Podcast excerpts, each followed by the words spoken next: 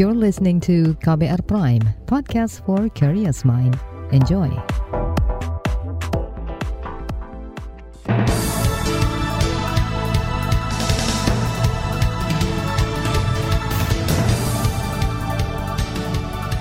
Selamat pagi saudara, senang sekali kami bisa menjumpai Anda kembali melalui program Buletin Pagi edisi Rabu 2 Maret 2022. Bersama saya Naomi Liandra. Sejumlah informasi pilihan telah kami siapkan di antaranya. Indonesia antisipasi kenaikan harga sektor energi imbas konflik Rusia-Ukraina. Presiden tegaskan TNI Polri tak ikut urusan demokrasi. Sepanjang 2021 ribuan anak di Semarang menderita stunting. Inilah Buletin Pagi selengkapnya. Terbaru di Buletin Pagi. Saudara, konflik antara Rusia dengan Ukraina belum juga mereda. Perang kedua negara dikhawatirkan berimbas pada perekonomian dunia, salah satunya memicu naiknya harga minyak mentah.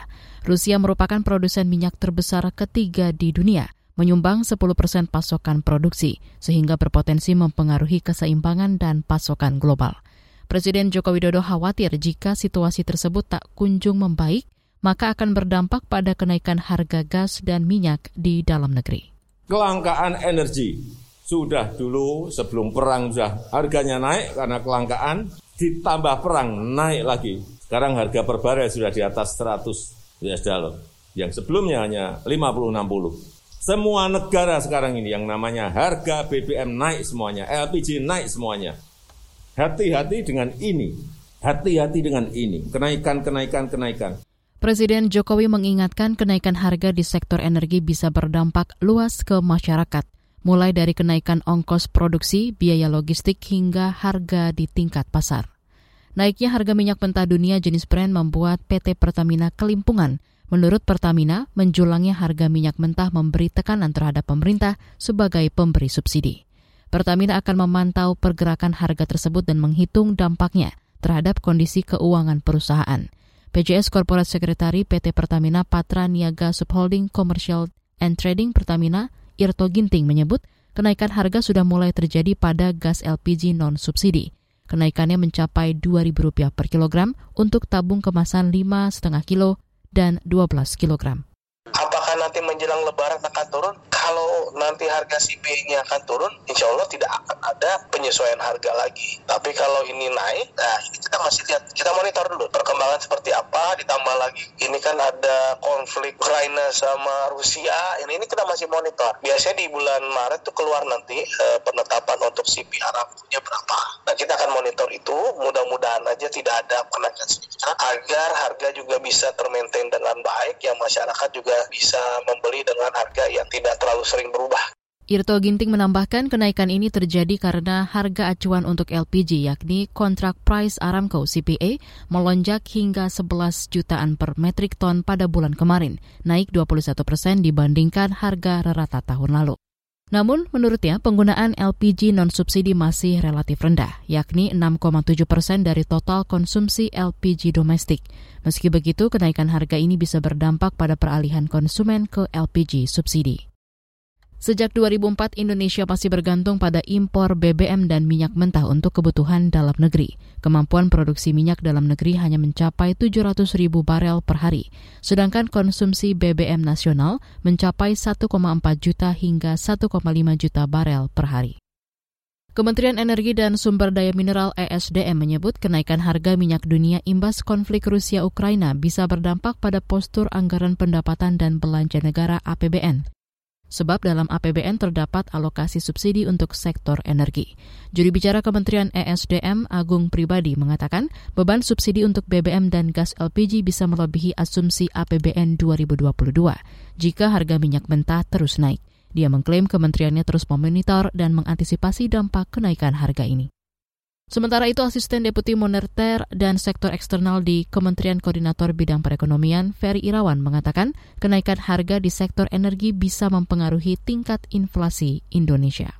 Ukraina dan Rusia jadi satu hal yang kami cermati karena ini punya potensi yang besar gitu ya untuk punya keterkaitan erat juga dengan harga komoditas gitu ya yang satu sisi menjadi salah satu backbone ekspor kita, tapi di sisi lain juga ada beberapa implikasi kenaikan harga komoditas tersebut, misalnya terhadap inflasi kita. Itu tadi Asisten Deputi Moneter dan Sektor Eksternal di Kemenko Perekonomian, Ferry Irawan. DPR RI mendorong pemerintah menyiapkan skenario terburuk jika kenaikan terus terjadi.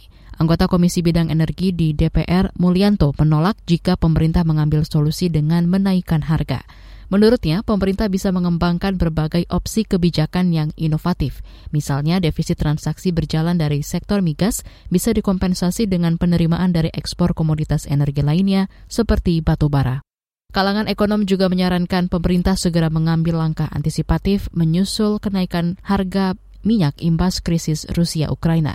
Direktur Eksekutif Indef Tauhid Ahmad mengatakan, pemerintah bisa menaikkan kontrak jangka panjang dalam proses impor BBM untuk menjaga kestabilan pasokan dan harga di dalam negeri. Ya, saya kira pertama ya pemerintah sebenarnya harus punya kontrak jangka menengah panjang, terutama untuk BBM ya, karena sebagian besar kan kebutuhan dalam negeri itu dipenuhi oleh impor gitu. Dari kebutuhan 1,4 atau 1,5 juta barrel per hari, hampir separuhnya itu impor. Jadi kontraknya itu katakanlah harus kontrak menengah atau panjang untuk di pada harga yang cukup bagus lah begitu. Memang akan naik dari APBN ya, tapi mungkin bisa lebih rendah dari nilai yang ada sekarang. Direktur Eksekutif Indef Tauhid Ahmad menambahkan, pemerintah juga perlu segera meningkatkan pasokan BBM dalam negeri, misalnya dengan meningkatkan eksplorasi minyak. Dia memprediksi pemerintah akan menambah subsidi untuk mengurangi tekanan terhadap daya beli masyarakat. Di sisi lain, dia menyarankan agar pemerintah tidak tergesa-gesa menaikkan harga BBM, sebab jika itu dilakukan, beban masyarakat akan makin bertambah di masa pandemi COVID-19. Saudara Presiden Jokowi menekankan jajaran TNI Polri tak ikut dalam urusan demokrasi. Mengapa demikian? Informasi selengkapnya usai jeda tetaplah di Buletin Pagi KBR. You're listening to KBR Pride, podcast for curious mind. Enjoy!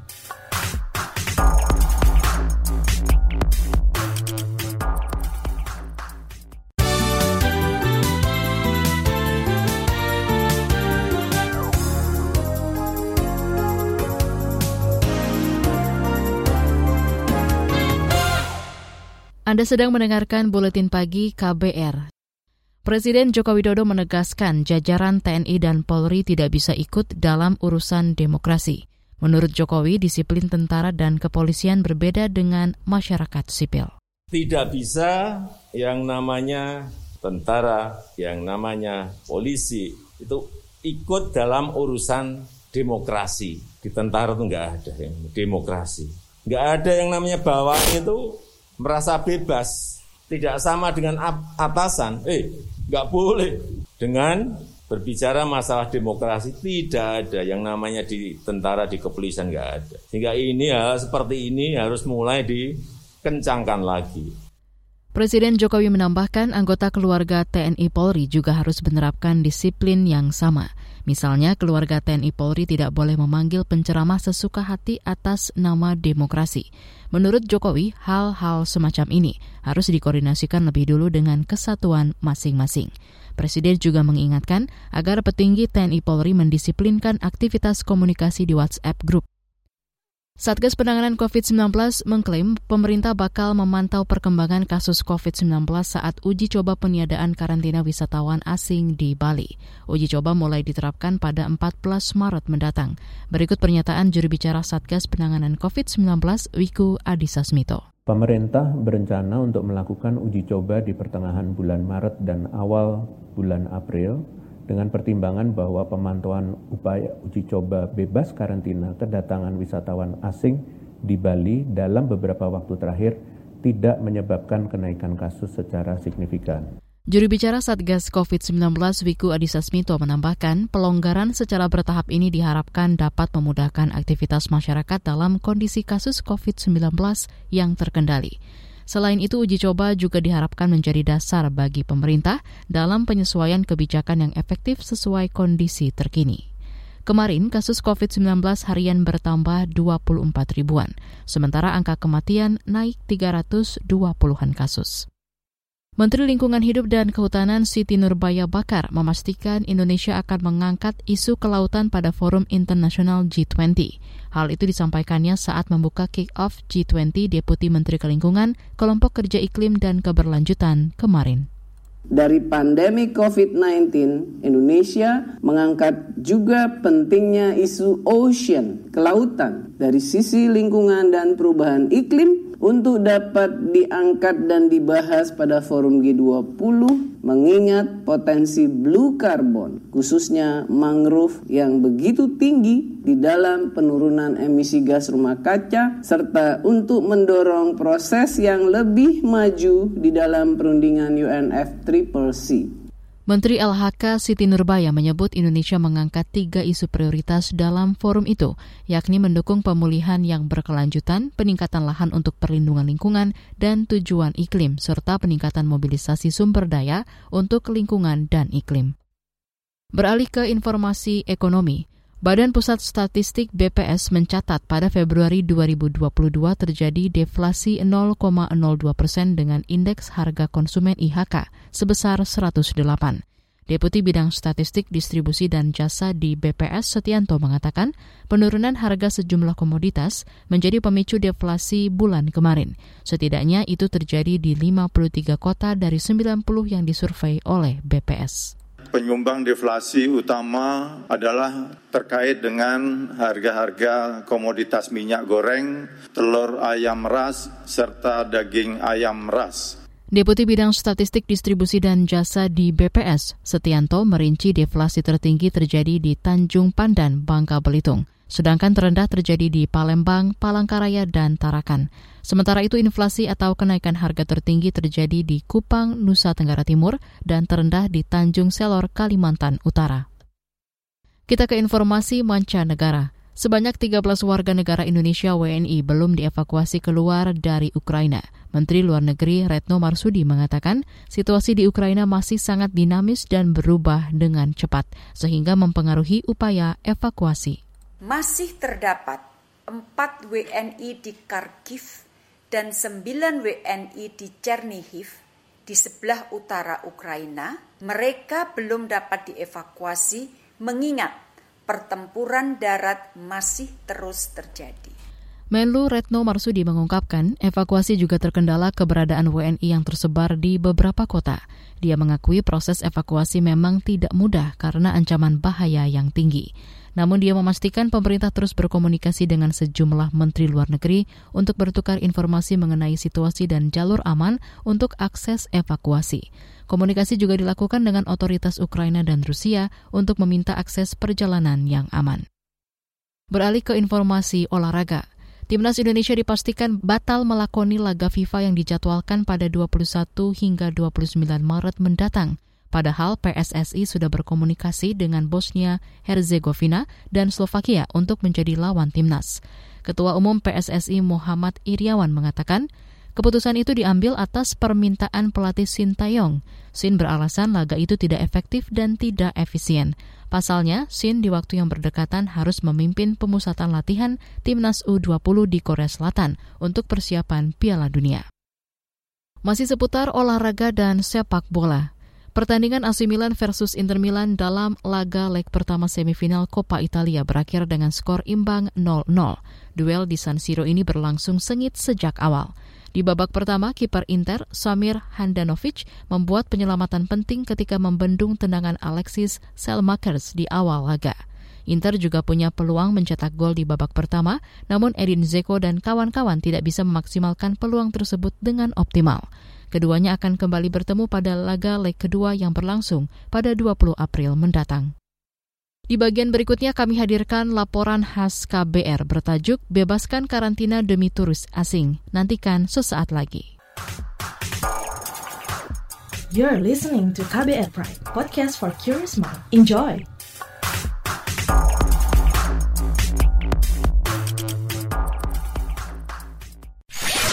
Commercial break commercial break. Lo boros. Gue maskulin. Rokok membunuhmu. Rokok menyelamatkan negara. Lo salah. Perdebatan yang sengit antar keduanya tidak pernah selesai dari zaman kereta roda 3 sampai kereta listrik. Dan inilah debat sebat membahas fakta dan mitos yang ada di balik sebungkus rokok. Dengarkan podcast Debat Sebat di KBR Prime, Spotify, dan semua platform mendengarkan podcast lainnya. Diproduksi KBR Prime, podcast for curious minds.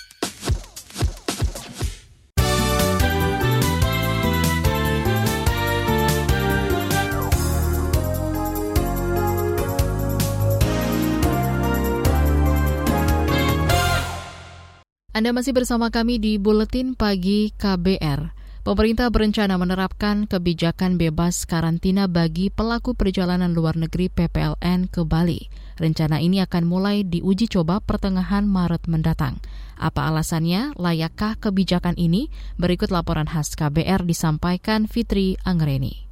Mulai 14 Maret mendatang, pemerintah memperlakukan bebas karantina bagi pelaku perjalanan luar negeri atau turis yang mendarat di Bali. Wakil Ketua Komite Penanganan COVID-19 dan Pemulihan Ekonomi Nasional, Luhut Binsar Panjaitan mengatakan, kebijakan itu bahkan bisa diterapkan lebih cepat jika kondisi pandemi di Bali kian melandai. Bali dipilih sebagai proyek percontohan karena tingkat vaksinasi dosis kedua tinggi. Dalam data yang kami peroleh, jika dibandingkan dengan negara yang sudah tidak lagi memperlakukan karantina, kasus harian per populasi Indonesia sebenarnya lebih rendah dari negara-negara tersebut. Namun case fatality rate Indonesia yang masih relatif lebih tinggi dari vaksinasi lengkap terhadap populasi yang ada masih lebih rendah dari negara-negara tersebut. Dengan berbasis data tersebut, pemerintah tetap menggunakan pendekatan kehati-hatian dan bertahap dalam menentukan penyesuaian karantina PPLN. Luhut mengatakan turis asing yang masuk ke Bali tanpa karantina harus memenuhi syarat tertentu. Di antaranya sudah mendapatkan vaksinasi dosis lengkap atau dosis penguat atau booster dan melakukan tes COVID-19. Rencana penghapusan karantina bagi turis asing muncul setelah pemerintah mengklaim kasus COVID-19 di Bali dan daerah lain mulai turun. Menteri Kesehatan Budi Gunadi Sadikin yakin kasus COVID-19 secara nasional akan melandai dalam dua pekan ke depan bersamaan dengan dimulainya uji coba bebas karantina di Bali. Kami melihat beberapa provinsi sudah confirm terjadi penurunan dari jumlah penularan maupun juga positivity rate-nya. Namun sejumlah pihak mempertanyakan rencana pemerintah menghapus masa karantina bagi turis asing. Anggota Komisi Kesehatan di DPR, Kurniasih Mufidayati, mengatakan kebijakan itu harus didukung kajian ilmiah para ahli. Dia meminta pemerintah mengutamakan aspek kesehatan dan keselamatan nyawa masyarakat apakah kebijakan ini benar-benar sudah melalui satu proses kajian yang mendalam dampak-dampaknya, kemudian juga akibatnya seperti apa dari semua aspek. Aspek kesehatan menjadi aspek yang prioritas, aspek ekonomi menjadi aspek berikutnya. Apakah kebijakan ini benar-benar tepat tidak menimbulkan apa ancaman terhadap kesehat, kesehatan dan nyawa dari masyarakat. Anggota Komisi Kesehatan DPR Kurniasi Mufidayati mengatakan DPR bakal memanggil Menteri Kesehatan untuk mempertanyakan rencana penghapusan karantina itu. Anggota Komisi Kesehatan DPR lainnya, Rahmat Handoyo juga meminta pemerintah daerah mempercepat capaian vaksinasi sebelum menerapkan kebijakan bebas karantina terutama vaksinasi pada kelompok lansia dan komorbid atau yang punya penyakit penyerta. Kalangan epidemiolog juga meminta pemerintah mempertimbangkan kembali rencana peniadaan karantina bagi turis asing. Ahli epidemiologi dari Universitas Griffith Australia Diki Budiman mengatakan karantina merupakan salah satu indikator penting dalam penanganan wabah penyakit menular penetapan masalah karantina ini menjadi harus sangat dipertimbangkan matang karena penting ya. Nah, pentingnya bukan hanya jadi ukuran masyarakat saja, tapi juga bahwa setiap penyakit menular, setiap penyakit menular yang mewabah harus menerapkan aspek karantina sebagai satu apa namanya satu strategi untuk memutus atau mencegah penularan. Epidemiolog Diki Budiman mengatakan penerapan karantina merupakan salah satu strategi mencegah masuk atau berkembangnya satu varian baru dari luar negeri. Oleh sebab itu, keputusan penghapusan karantina harus dipertimbangkan secara matang berbasis indikator epidemiologi dan aspek lain termasuk kesiapan infrastruktur. Laporan ini disusun Agus Lukman. Saya Fitri Anggreni. Informasi dari berbagai daerah akan hadir usai jeda. Tetaplah bersama Buletin Pagi KBR. You're listening to KBR Pride, podcast for curious mind. Enjoy!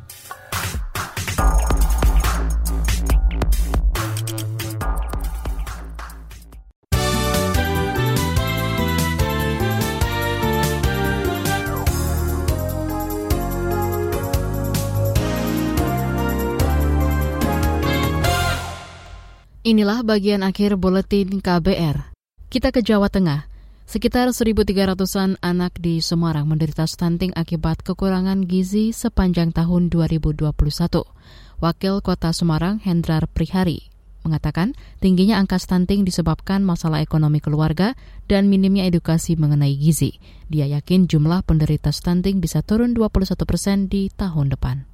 Saya rasa itu yang akan kami lakukan, nggak peduli lah orang ngomong datanya berapa, yang penting pada saat kemudian perhitungan berikutnya memang benar-benar 1.367 anak yang masuk kategori stunting bisa tuntas. Wali Kota Semarang Hendrar Prihadi mengklaim tengah melakukan percepatan penanganan dan antisipasi stunting, yakni dengan pemberian bantuan perbaikan gizi pada anak dan edukasi terhadap orang tua anak. Dia mengklaim telah mengalokasikan anggaran 6,7 miliar rupiah untuk memenuhi gizi buat penderita stunting. Mabes Polri memastikan penetapan tersangka kepada Nur Hayati resmi dihentikan. Nur Hayati sebelumnya ditetapkan sebagai tersangka usai mengungkap praktik korupsi di desanya Citemu, Cirebon, Jawa Tengah. Juru bicara Mabes Polri, Dedi Prasetyo, mengatakan penghentian kasus Nur Hayati sesuai dengan sistem hukum acara pidana.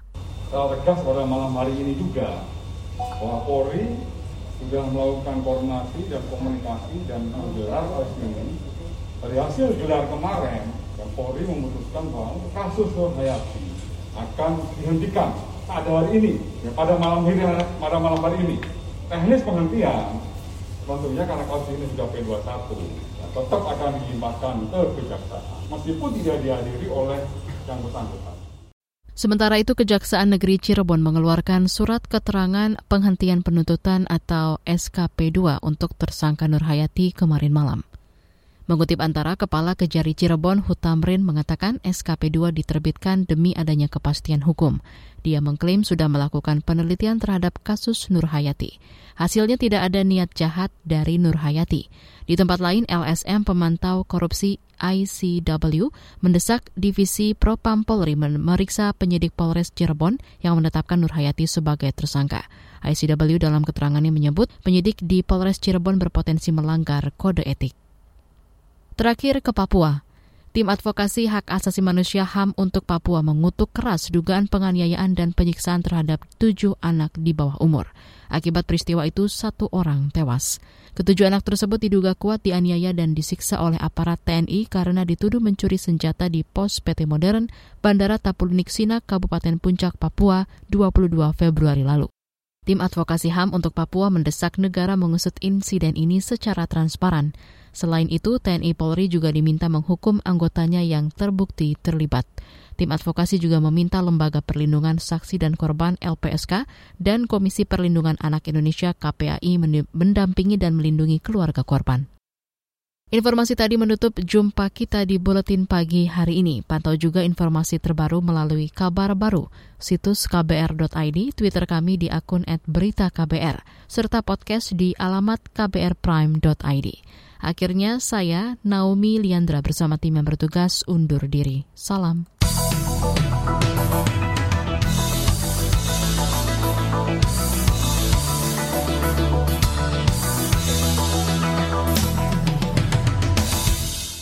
KBR Prime, cara asik mendengar berita. KBR Prime, podcast for curious mind.